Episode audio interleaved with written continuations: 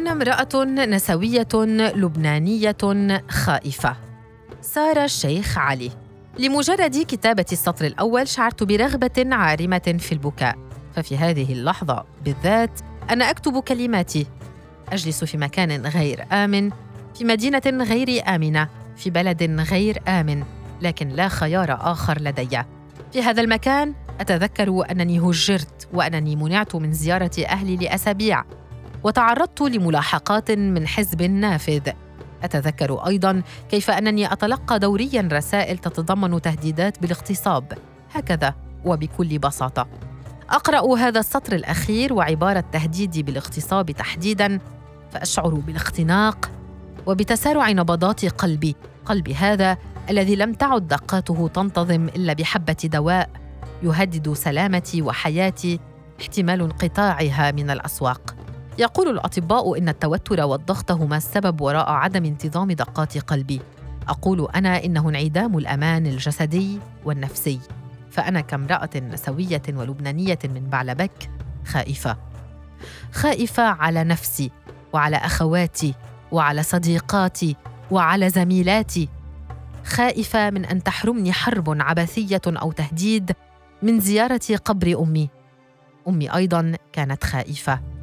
كانت ترجوني أن أحذف ما أكتب على فيسبوك. كانت تذكرني بأننا مش قد كانت تنهار في كل مرة تقطع الطرقات فيها ويشتبك ناصرو الأحزاب.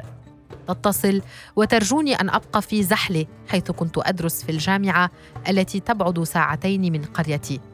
وأن أقضي الليلة لدى إحدى صديقاتي. أمي في آخر أسابيع حياتها كانت تفتح يدها وتنظر إلى السماء وتدعو لي ولزوجي أن نتمكن من ترك لبنان والسفر قريباً. فأنا ارتكبت جريمة أخرى دفعتها إلى التشديد على طلبها هذا. فبالإضافة إلى كوني مدافعة عن حقوق الإنسان ومعارضة وغاضبة فعلتها وتزوجت رجلاً غير لبناني. ليست قصتي ملهمة بالضرورة ولا استثنائية لكنها حتماً مكررة. هي ككل قصص النساء مع الخوف وانعدام الأمان. تخبرنا بأمر مهم وهو أن للأمان أبعاداً وطبقات وأن أماننا تقاطعي بمعنى أن في ثناياه تتقاطع التهديدات وأشكال التمييز والتحديات التي نواجهها كنساء ومدافعات مع الأزمات الاقتصادية والسياسية العميقة كتلك التي يمر بها لبنان.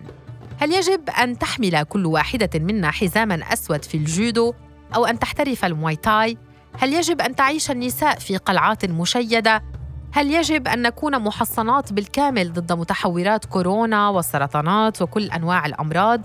هل يجب أن نكون خارقات لنكون محميات؟ الجواب هو قطعا لا. أنا لست superwoman ولا أريد أن أكونها. أنا امرأة عادية بأحلام بسيطة. كأن أعيش في عالم آمن. والا أتعرض للتحرش أو الاغتصاب أو العنف الجسدي. والا يقول لي رجل خلال تواجدي في المظاهرة الصبايا لورا والا يقال لجندي في معرض ثنيه عن ضرب متظاهرة. معتبرة أختك ولو ألا يعتقد رجل أن سلامتي الجسدية هي مهمته؟ فيصبح جسدي مسرح نزاع بين رجلين من دون أن يكون لي دور في ذلك. أمنياتي كلبنانية غير محصورة في البقعة الجغرافية التي أعيش فيها. كلبنانيه أبحث عن أمنياتي في سوريا أيضا حيث الأمان الجسدي هو ألا تتعرض آلاف السوريات لكل ما في قائمة أشكال العنف المبني على النوع الاجتماعي والتعذيب في معتقلات نظام الأسد أو خلال العمليات العسكرية المباشرة. وهو ألا يختطف جيش الإسلام المدافعتين عن حقوق الإنسان رزان زيتوني وسميرة الخليل وتظلا مجهولتي المصير. أمنياتي كلبنانية في مصر أيضا حيث الأمان الجسدي هو ألا تحدث تحرشات فردية وجماعية وألا يتم فحص عذرية المتظاهرات اللواتي يعتقلن وألا تقتل نيرة أشرف وغيرها لأنهن رفضن الارتباط بقاتلهن وألا يزج بالعابرة جنسيا ملك الكاشف في سجن الرجال وألا تصعق سارة حجازي بالكهرباء خلال فترة سجنها وألا تسجن منذ البدء بتهمة أنها كانت شجاعة إلى الحد الذي جعلها تعلن أن لا سلطة لنظام أو مجتمع أو عائلة على جسدها. أمنياتي في تونس حيث الأمان الجسدي يعني أن تذهب الفلاحات إلى عملهن يومياً من دون أن يتعرضن للدهس فتموت واحدة منهن على الأقل في اليوم بسبب سوء أوضاع الطرقات. أما الأكثر حظاً منهن أي التي لا تتعرض للدهس فتحصل فقط على ثلث ما يجنيه الرجل من دون اعتراف الدولة بها كمنتمية إلى فئة عاملة. وتالياً كمستحقة لضمان اجتماعي وأجر لائق. الأمان الجسدي بالنسبة إلي هو ألا نقرأ خبراً عن رجم إيرانية بتهمة الزنا وألا تموت مهسا أميني والعشرات غيرها بسبب حجاب غير لائق وألا تقتل إسراء غريب بداعي الشرف في فلسطين وألا يكون هناك وجود لشيء اسمه جريمة شرف أصلاً. قرأت مرة عبارة تقول: يخاف الرجال من أن تهزأ بهم النساء، وتخاف النساء من أن يقتلهن الرجال. بالفعل، الأمان هو بلاد لا تقتل فيه النساء لمجرد كونهن نساء. أما أمنياتي الجسدية خلال الأزمة الاقتصادية التي يمر بها لبنان تحديداً فهو ألا يقال لي هيدا توتر وتعطيني الطبيبة المناوبة حبة ليكزوتانيل حين أذهب إلى طوارئ المستشفى بسبب آلام في الصدر وانقطاع في النفس وهو أن تؤخذ آلامي بجدية وأخضع لكل الفحوصات الممكنة. وهو ألا أرى تعاملا مختلفا مع الآلام نفسها حين يعانيها رجل لمجرد أنه رجل. هو في الأصل إمكانية وصولي إلى الخدمات الصحية بشكل مجاني وإدخالي المستشفى بالرغم من عدم امتلاك تأمينا صحيا ومن دون أن أضطر إلى دفع مبالغ طائلة. أماننا الجسدي في لبنان هو أن نجد فوة صحية مجانية في المدرسة والجامعة والمطعم وأماكن العمل. هو ألا تعد الدولة أن الفوط الصحية من الكماليات فلا تدعمها ضمن خططها الاقتصادية وهو ألا أخجل حين أدخل المحال التجارية أو الصيدليات لشرائها. ولا أنتظر مغادرة جميع الزبائن لأطلبها حصرا من امرأة ستضعها لي في كيس أسود. أماننا الجسدي كمدافعات ونساء حول العالم يأتي أيضا من احترام حقنا في الإجهاض الآمن ومن دون وصم وخوف وتعريض حياتنا للخطر. هو ألا تتعرض النساء للتعنيف خلال الولادة وألا تضربن أو يتم إسكاتهن ليمنعن من الصراخ وأن تقدم لهن الرعاية المناسبة. هو ألا نتعرض للتحرش في الشوارع ووسائل النقل وألا نخشى التعرض للاختطاف حين نسافر وحدات وهو قدرتنا على المكوث في فنادق آمنة من دون رجل مرافق.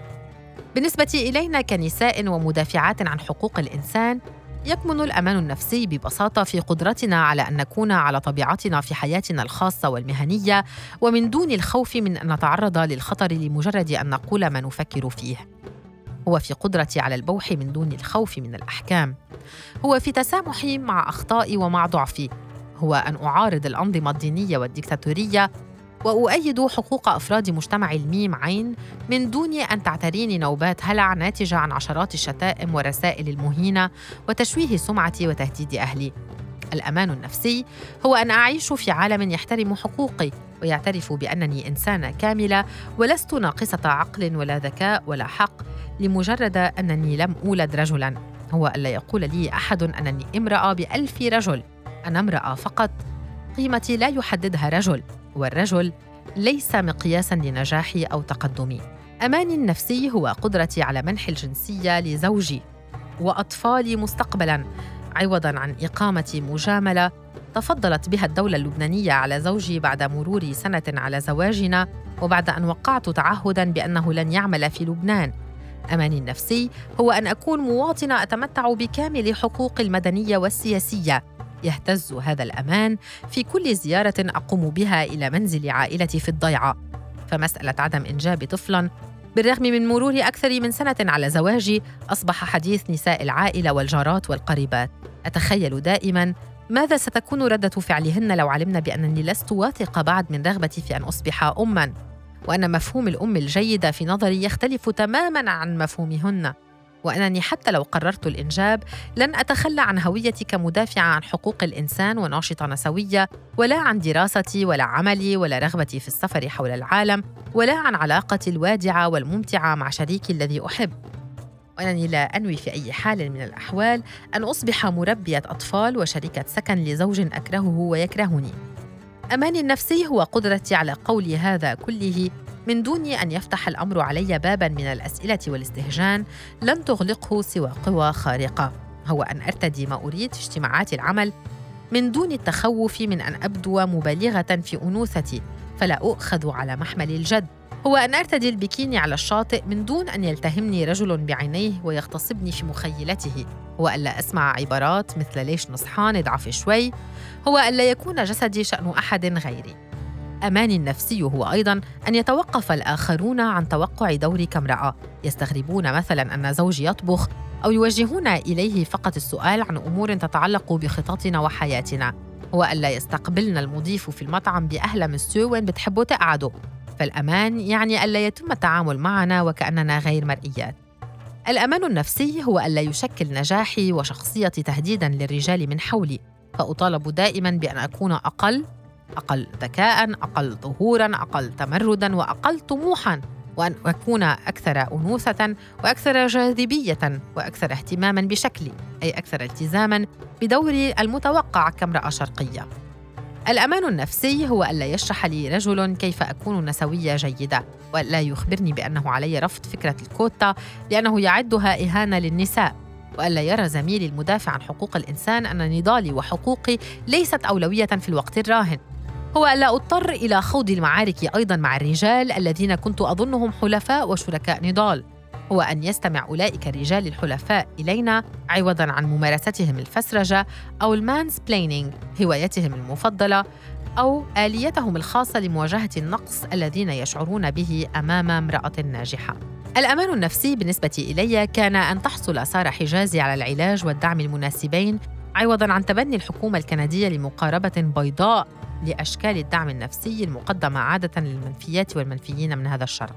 كان أيضا أن تجد نادين جوني سريرا لأمها مريضة السرطان في بيروت وألا تضطر إلى نقلها إلى مدينة صيدا فتموت نادين في حادث سير عند عودتها فجرا من زيارة أمها إلى حيث تسكن في بيروت.